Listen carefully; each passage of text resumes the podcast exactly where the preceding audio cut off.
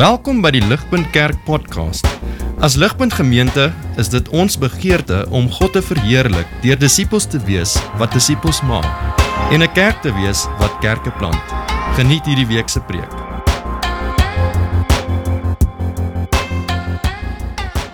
Vriende, ek is seker dat ehm um, elkeen van julle is vertroud met daai Engelse slagspreuk daar buite wat baie kere verwys na die Christelike idee van hemel. Het jy al gehoor dat ouens sal praat van die Christelike idee van hemel as pie when you die? En uh en die oorsprong van daai gesegde is eintlik nogals interessant. Dit kom oorspronklik vanaf 'n uh, wel daar was in die vroeë 1900s was daar hierdie Christenlied gewees.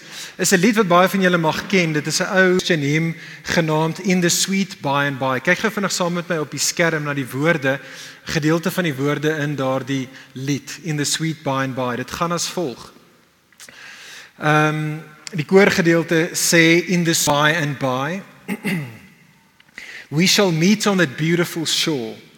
Tweede vers dan we shall sing on that beautiful shore the melodious songs of the blessed and our spirit shall sorrow no more not a sigh for the blessing of rest. En so hierdie is die prentjie ten minste in daai bekende lied in die begin 1900s, die prentjie van die Christen hemel. Dit is hierdie beeldskone plek, dit is hierdie soete plek waar gelowiges, let wel waar gelowiges is, sal kan rus net na daai lied uitgekom het so wyle daarna het 'n ander oue lied geskryf uh, om regtig hierdie sang te kritiseer. Hy was nie 'n Christen nie, sy naam was Joe Hill en hy het 'n lied geskryf genaamd The Preacher Slave. En in hierdie folk sang van hom wat hy nou spot met hierdie liedjie Sweet By and By, sê Joe Hill die volgende. Kyk gou saam met my op die skerm na wat hy sê. Onthou nou, dis nou volgens hom, dis nou wat hy sê in effek die preacher besig vir die slave. Dis die boodskap van Christendom as jy dink aan die hemel. Die liedjie gaan as volg. Hy sê dis nou die preacher wat vir die slaaf sê you will eat by and by in that glorious land above the sky work and pray live on hay you'll get by in the sky when you die. Met ander woorde, dit is die kritiek gewees. Dit is die kritiek daar buite oor die Christen idee van hemel. Dit klink baie nice, maar dis eintlik net 'n spraal. Dit is nie iets wat werklik enige nut het vir ons hier in die regte wêreld nie. Vir ons hier met al die verantwoordelikhede wat ons het, met al die regte wêreld behoeftes wat ek en jy het, is hemel is niks meer as pie and when you die nie.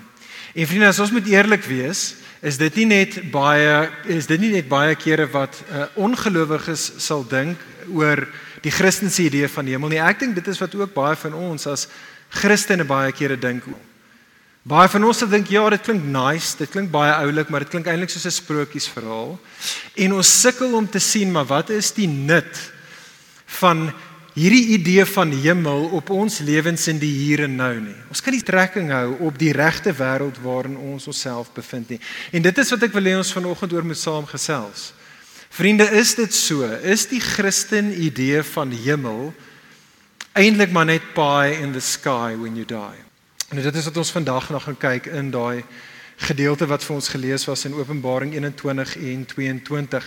Ons maak vandag klaar met hierdie kort reeks vriende. Soos ons gesê het, ehm um, genaamd rus en vrede en wat ons gesien het ek sover is dat die idee van rus van ware rus is eintlik een van die groot temas van die storie van die Bybel.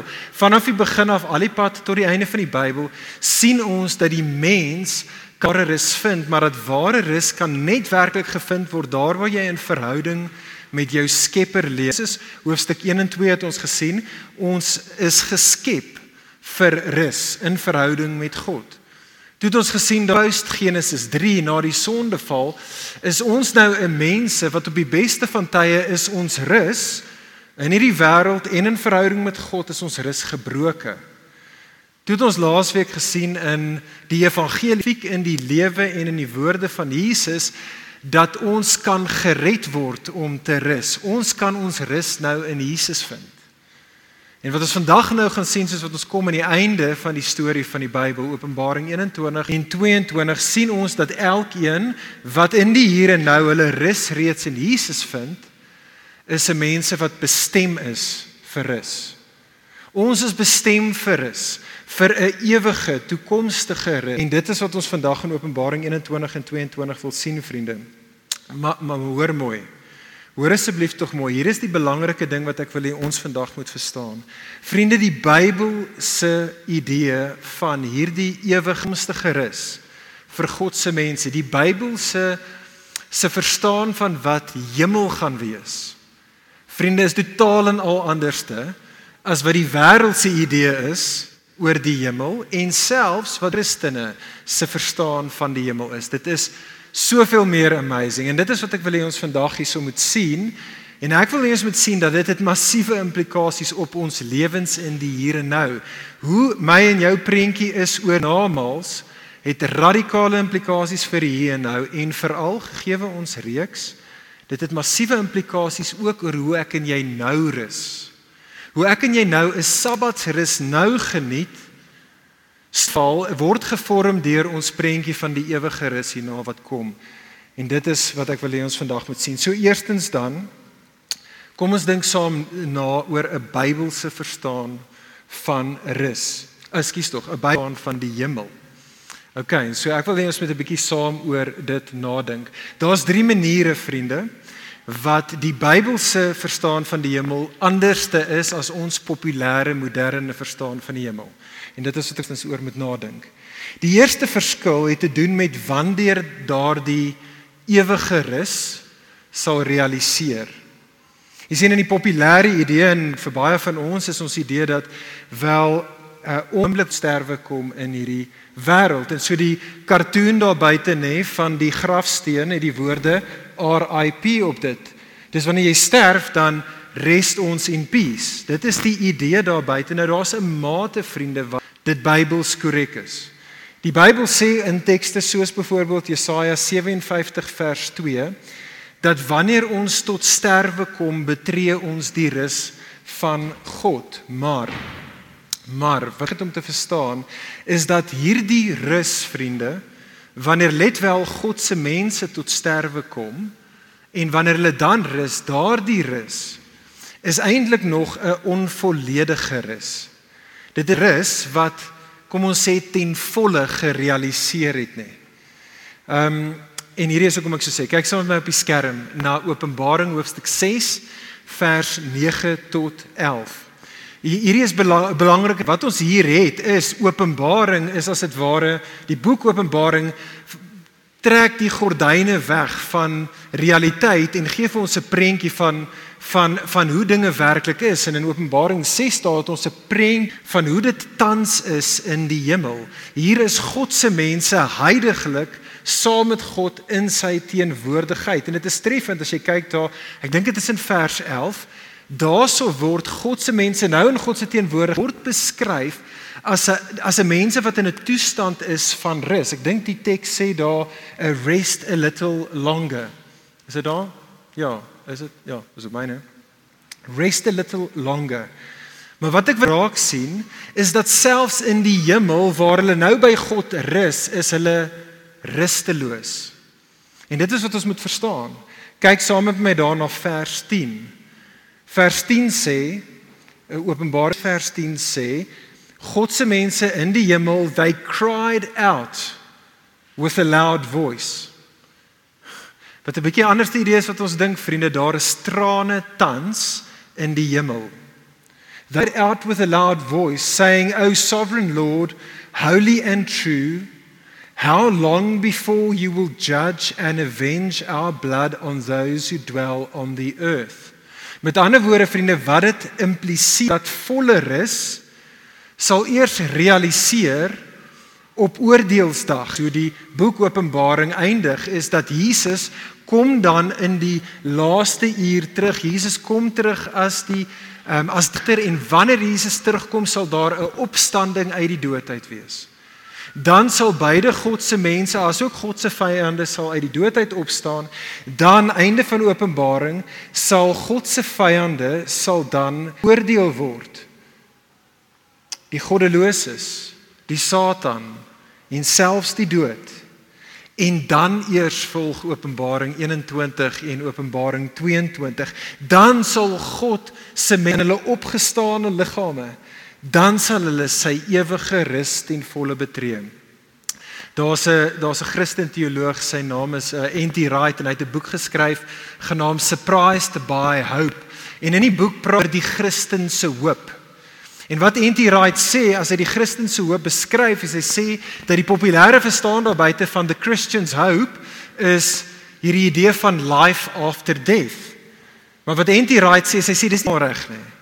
Die Christen se hoop is nie life after death nie, maar eerder life after life after death. Jy sien wat hy kommunikeer is ja, dit is sodat wanneer die Christen tot sterwe kom, dan lewe on, ons gees is in die teenwoordigheid van die Here, maar dis nie die einde van die storie nie. Dit is nie die Christen hoop nie, soos wat Openbaring 6 hierso sê nie. Nee, die hoop is dat daar gaan 'n dag kom wanneer daar 'n opstanding gaan wees uit die doodheid, wanneer ons en ons vlees verenig sal wees. En dit is daai realiteit wat die Christen se hoop is. En dit bring ons by die tweede verskil dan tussen 'n Bybelse verstaan van hemel en die populêre verstaan daar buite. Net betrekking met wanneer daar die ewige rus sal wees. Nie die tweede ding wat ek en jy moet verstaan is met betrekking tot waar waar daar die ewige rus sal wees. Julle sien vriende, 'n liggaamlike opstanding vir God se mense impliseer dat daar gaan 'n fisiese tasbare wêreld wees waarin ons eendag gaan woon. En dit is wat die hele Nuwe Testament van 'n rede mis ons dit baie kere. Maar die Nuwe Testament byvoorbeeld in Romeine 8 sê vir ons dat uh, dat wanneer God se mense hulle letterlike fisiese opstanding wees wat vernuwe gaan wees en 'n verheerlik gaan, maar dan gaan die ganse skepping Die hele skepping sal dan vernuwe wees en verheerlik wees. Sonde en alles wat sleg is wat deur sonde gebreek is in hierdie wêreld sal sal dan uit hierdie skepping uitgeniet in 'n vernuwe, verheerlikte wêreld. En dit is vriende wat ons in Openbaring 21 eh, en 22 dan ook sien. Tel julle blaadjies op en kyk vinnig saam met my daar. Ek weet nie of dit opgetel het nie vriende, toe Openbaring se laaste twee hoofstukke vir ons gelees was eindig die storie van die Bybel baie soos wat die storie van die Bybel begin het. Jy sien die wêreld waar God saam met sy mense gaan wees, klink bans soos Genesis hoofstuk 1 en 2. Dis nie elders op die wolke nie. Dit is hier op aarde. Dit is nou net beter as Genesis 1 en 2. Dit is nou perfek. Dit is Eden 2.0. sien my die doelbewuste taal daarso. Ek gaan dit net vinnig vir ons uitwys. Die doelbewuste taal wat Johannes gebruik om juis hierdie punt vir ons te kry om te verstaan.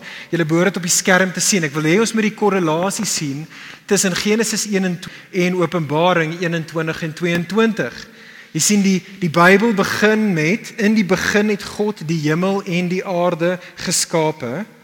Nou Openbaring 21 vers 1 sê Johannes toe het 'n nuwe hemel en 'n nuwe aarde gesien. Genesis 3 vers 8 sien ons dat in die begin was God daar in die paradys in die teenwoordigheid of die mense was in die teenwoordigheid van God gewees. Openbaring 21 vers 3 eindig en vertel vir ons dat nou is God se woonplek by sy mense en hy sal by hulle woon.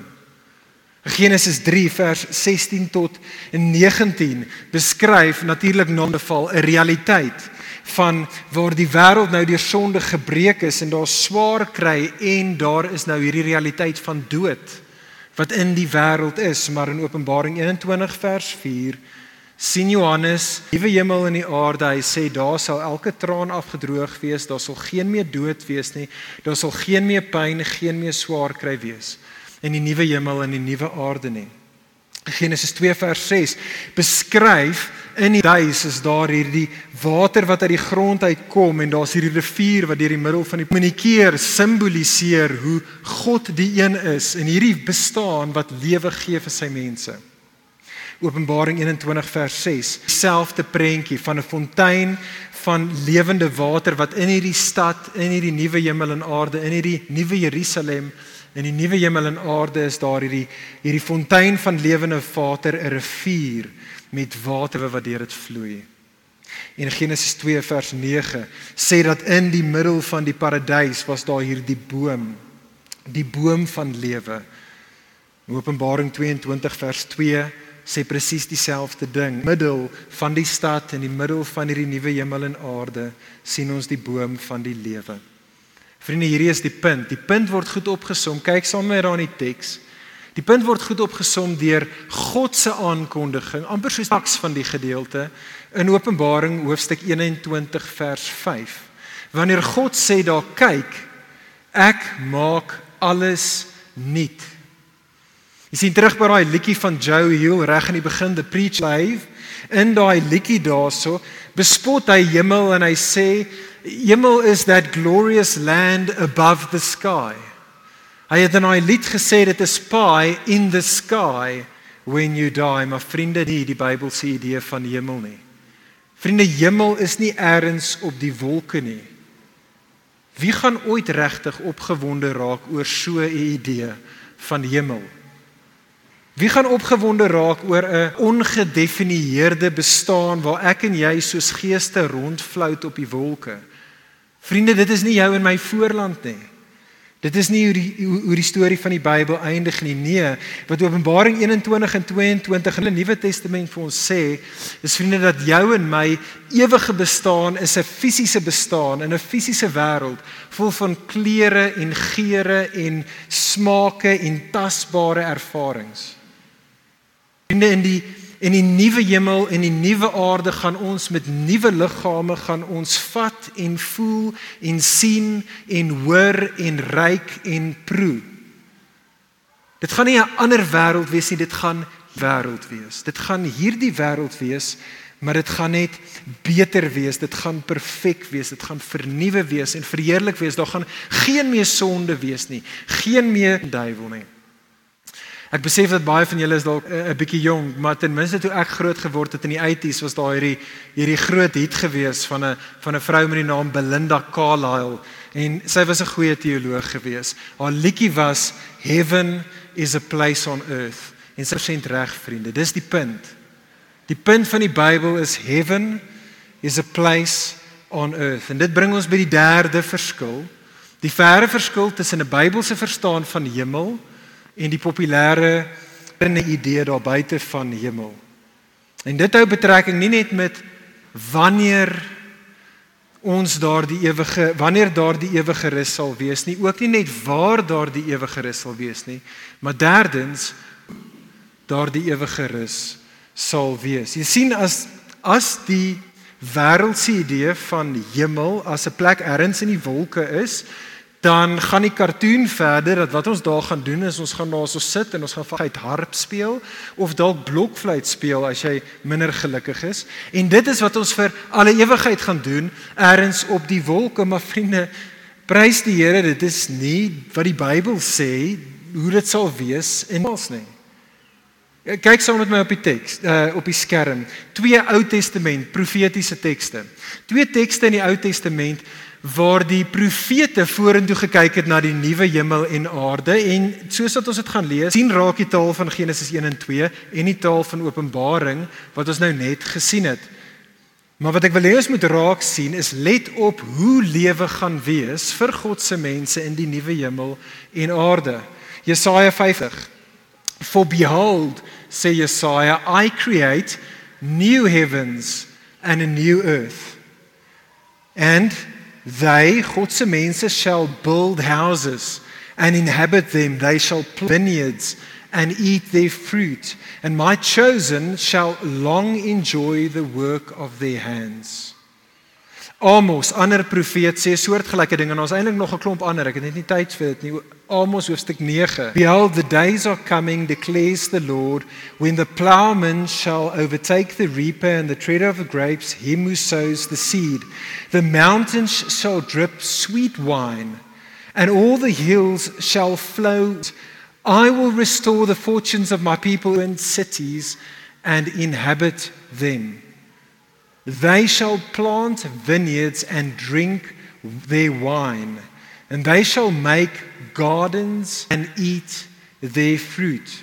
Vriende sien raak daarso daar is twee dinge wat die profete ten minste sê gaan gebeur in die nuwe hemel en aarde vir God se mense. Buiten vir die feit dat hulle gaan in God se teenwoordigheid en hulle gaan God se teenwoordigheid geniet, gaan hulle hierdie twee dinge doen. Hulle gaan werk vir alle ewigheid en hulle gaan partytjie hou.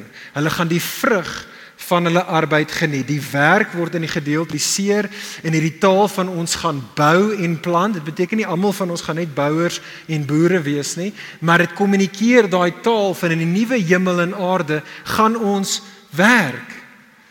En ons gaan die vrug van ons arbeid gebiliseer deur daai taal van van van van van ons gaan eet en ons gaan drink. En vriende, as jy was in die begin van die reeks, behoort daar 'n klokkie af te gaan want dit klink baie soos wat ons gesien het in Genesis 1 en in Genesis 2 dat ons was geskep vriende om te werk en om die vrug van ons arbeid saam met God in verhouding met hom te geniet.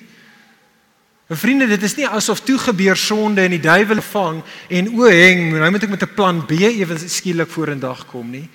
Nee, God gaan aan en dit is die uiteindelike realiteit wat sal realiseer. Kyk daarso in Openbaring hoofstuk ek dink dit is 22 vers 5 wat daar so sê is dat hierdie is wat God se mense gaan doen vir al ewigheid in die nuwe hemel en aarde.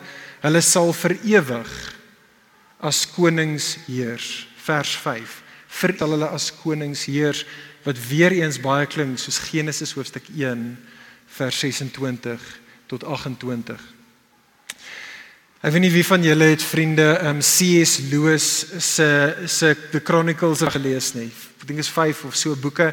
Die laaste ene is The Last Battle. En daar's hierdie amazing einde in The Last Battle waar um ons hierdie prentjie geskets word van waar die ou na vervang word met 'n nuwe Narnia. En jy het al hierdie mense en diere wat dan die nuwe Narnia betree en in daai prentjie kon en die unicorn soos wat hy in die nuwe Narnia kom, sê hy die volgende woorde, hy roep die volgende uit, lees saam met my. Die unicorn sê daar soos in die nuwe Narnia, hy sê I have come home at last. This is my real country. I belong here. This is the land I have been looking for all my life, though I never knew it till now.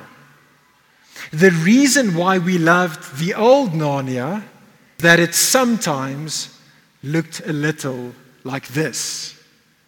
En daai is die groot ding wat ek en jy nodig het om te verstaan, vriende.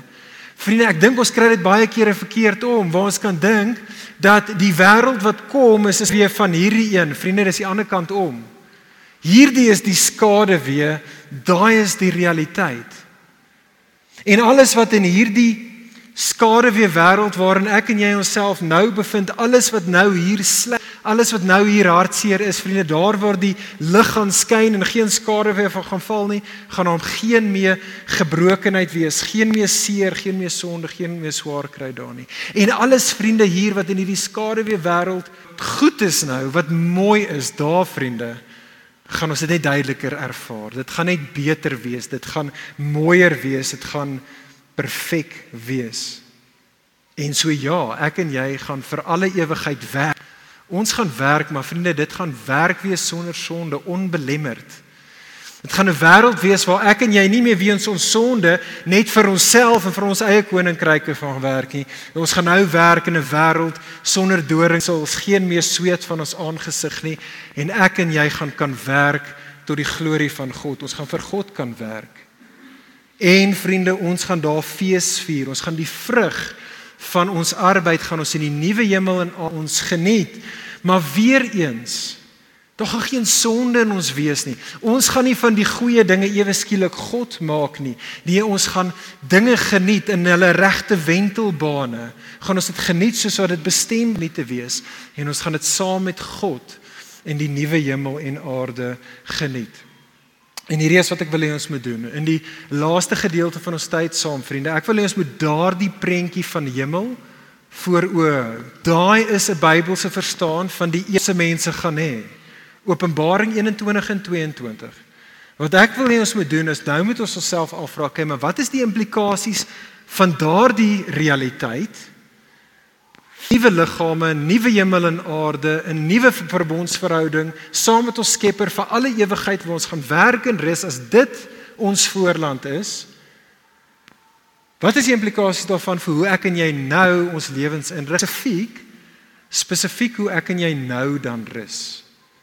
En dit is wat ek wil hê ons moet sê. En ek wil hê ons moet fokus op die idee van Sabbatsrus wat ons reg deur hierdie reeks na verwys het. Hierdie is wat ons gesê het vriende wat ons bedoel as 'n Sabbatsrus.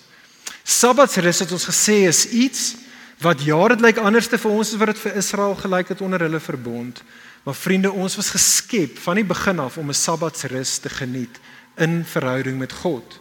Ons is mense wat gemaak is om 6 dae te werk en om eendag te rus van ons werk en dan die vrug van ons arbeid in verhouding met God te geniet.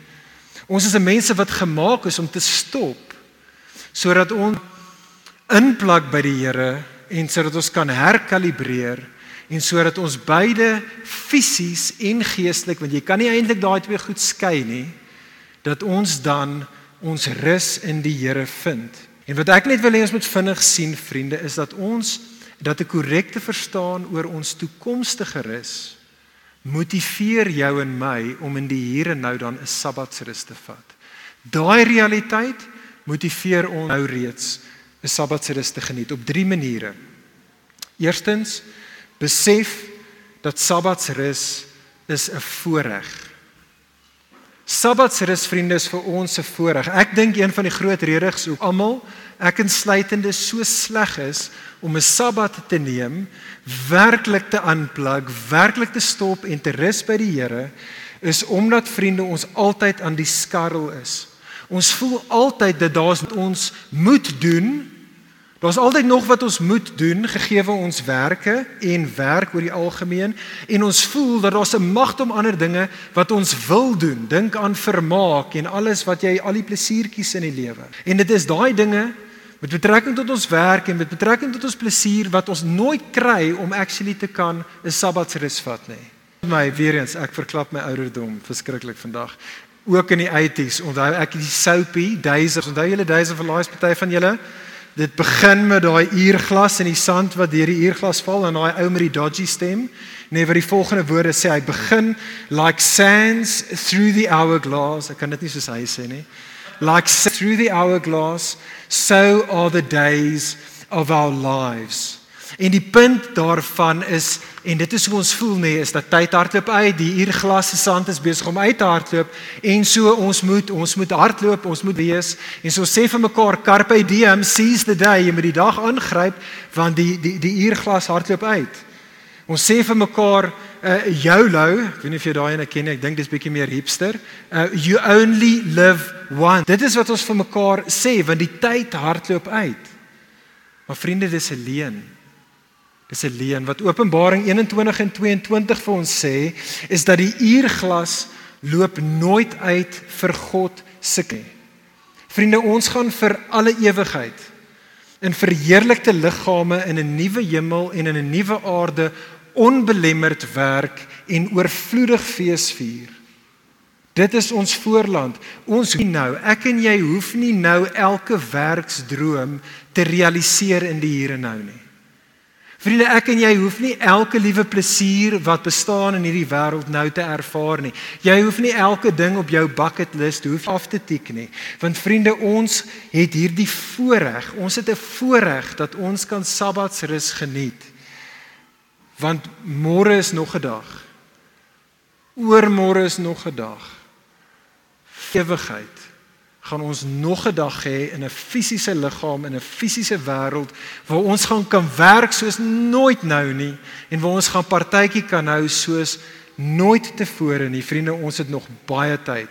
Nog baie tyd vir werk en vir rus. So eerstens, besef Sabbatsrus is 'n voorreg. Tweedens, besef Sabbatsrus is 'n voorgereg.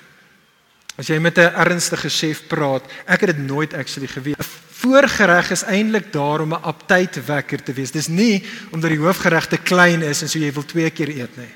OK? 'n Voorgereg is eintlik 'n appetite wekker, dis 'n appetizer wat apparently verwant moet die hoofgereg. Dit is wat die chef tequili, dit is daar om jou honger aan te wakker.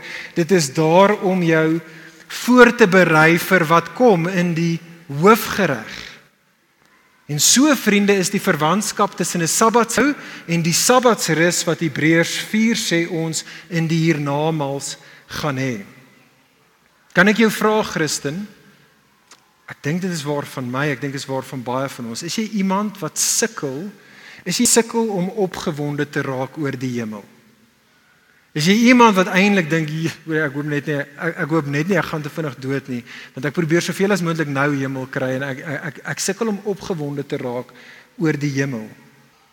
Vriende is is jy iemand vir wie jou jou aptyd vir die hiernamaals is eintlik klein. Nou as dit jy is, soos wat dit ek is, vriende dink ek is een van die medisyne wat ons nodig het, ons het meer Sabbat. Ons het meer Sabbat nodig. Ons het nodig om meer te stop, meer terug te staan van die harwar van die wêreld waar ons sondige harte heeltyd beide werk en rus verkeerd kry in en van onsself. Ons het nodig om te stop, te unplug en tyd te spandeer in verhouding met God en met God se mense sodat ons daar meer gemeenskap nou reeds met God geniet. Hier's die ding, goeie voorgereg, Sabbatsrus nou Vriende, gaan jy jou ewe skielik dan genoeg gee van God waar jy sê, "Oké, okay, ek dink ek is nou redelik bevredig as dit kom by God nie. Dit gaan jou honger vir die Here en 'n ewigheid sonde saam met hom, dit gaan dit groter maak. Dit gaan dit aanwakker. Vriende, ek en jy het Sabbatsrus nodig want dit is 'n amazing amazing voorgereg vir ons van wat kom. Laaste ding, derdens. Besef Sabbatsrus is 'n voor Tweedens besef Sabbatsrus is 'n voorgereg Derdens besef Sabbatsrus is 'n vertoonvenster. Dit is 'n vertoonvenster. Dink aan die winkels as jy daar in die gange van Menlyn stap. Daai vensters is daar om ons in te lok. Dit is besig om ons te kry om binne in daar te gaan en te gaan bekom dit wat hulle daar aan ons verkoop. En vriende, so het ons as Christene geleentheid as ons 'n mense kan wees. Actually anders te lyk. Like, as al ons nie Christen pelle wanneer dit kom met betrekking tot 6 dae werk en een dag reg anders te lyk en ons kan 'n Sabbatsrus geniet dan ons 'n vertoonvenster. Wat vir vir die wêreld prentjie gee dis net 'n prentjie dis net 'n skade weer maar 'n prentjie kan gee van hoe dit sal wees vir alle ewigheid. 'n mense wat ja werk en 'n mense wat rus maar wat dit op wat op 'n diep manier in die Here kan vind wat shalom kan geniet nou reeds by die Here en ons kan ander mense 'n voorsmaakie gee en op daai manier 'n vertoonvenster wees van die shalom wat kom en ek sluit hiermee af. Vriende, sluit met die goeie nuus. Want jy sien alhoewel Sabbatsrus 'n vertoonvenster is van die van die toekomstige rus wat God uh, sy vir ons almal tot nooi, hoor asseblief tog mooi vriende. Daai ewige toekomstige rus, die nuwe hemel en aarde wat kom, is nie iets wat ek en jy.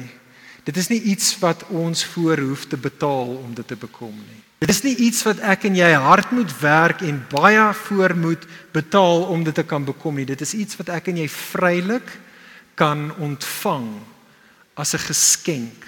Imagine dit. 'n Nuwe liggaam in 'n nuwe wêreld sonder enige sonde, swaar kry en seer in in verhouding met God vir alle ewigheid waar ons gaan rus en gaan en, en dis gaan werk en gaan fees vier. Vriende, ek en jy kan dit alles kry verniet. Openbaring 21 vers 6. Openbaring 21 vers 6 sê as volg: Dit is afgehandel. It is finished afgehandel. Ek is die Alfa en die Omega, die begin en die einde. Die wat dors is, sal ek laat drink uit die fontein van lewende water verniet. Ewe verwys na die hiernamaals as 'n erfenis, as 'n heritage, iets wat God se kinders vrylik ontvang want erfporsies word gegee aan kinders en so vriende. Die vraag van jou en vir ons los is is jy 'n kind van hierdie God? En die manier wat ek en jy 'n kind word van hierdie God wat hierdie erfporsie kry is as Jesus ons ouer broer is. Dit is hoe ek en jy die daai 22:3 want Jesus die seun van God was die lam van God. Hy het op die kruis die prys betaal sodat ek en jy 'n nuwe hemel en aarde kan bekom. Vriende, kon jy wees wys? Kom ons kyk na daardie Jesus toe, die een wat alles betaal het sodat ek en jy alles kan bekom. Kom ons kyk na hom. En kom ons lewe nou in die lig van die realiteit wat ons voorland is. Kom ek bid vir ons saam. Ag Vader, ons loof en ons prys U vir U seun Jesus. Ons loof en ons prys U vir die Gees wat nou reeds by ons is, nou in ons werk. En Here, ons sien uit vir die wêreld wat kom saam met U. Ons smag daarna, Here. Ons smag uit na daardie werklike realiteit waarvan hierdie net die skade wees. En so Here, ek bid vir elkeen wat hier is, maak ons sulke mense, 'n mense wat ons rus in Jesus nou en vir alle ewigheid sal vind. Dankie Here dat ons saam met U kan rus. Ons sien uit in Jesus naam. Amen. Vir meer inligting oor Ligpunt Kerk, besoek gerus ons webwerf op www.ligpunt.com of kontak ons gerus by info@ligpunt.com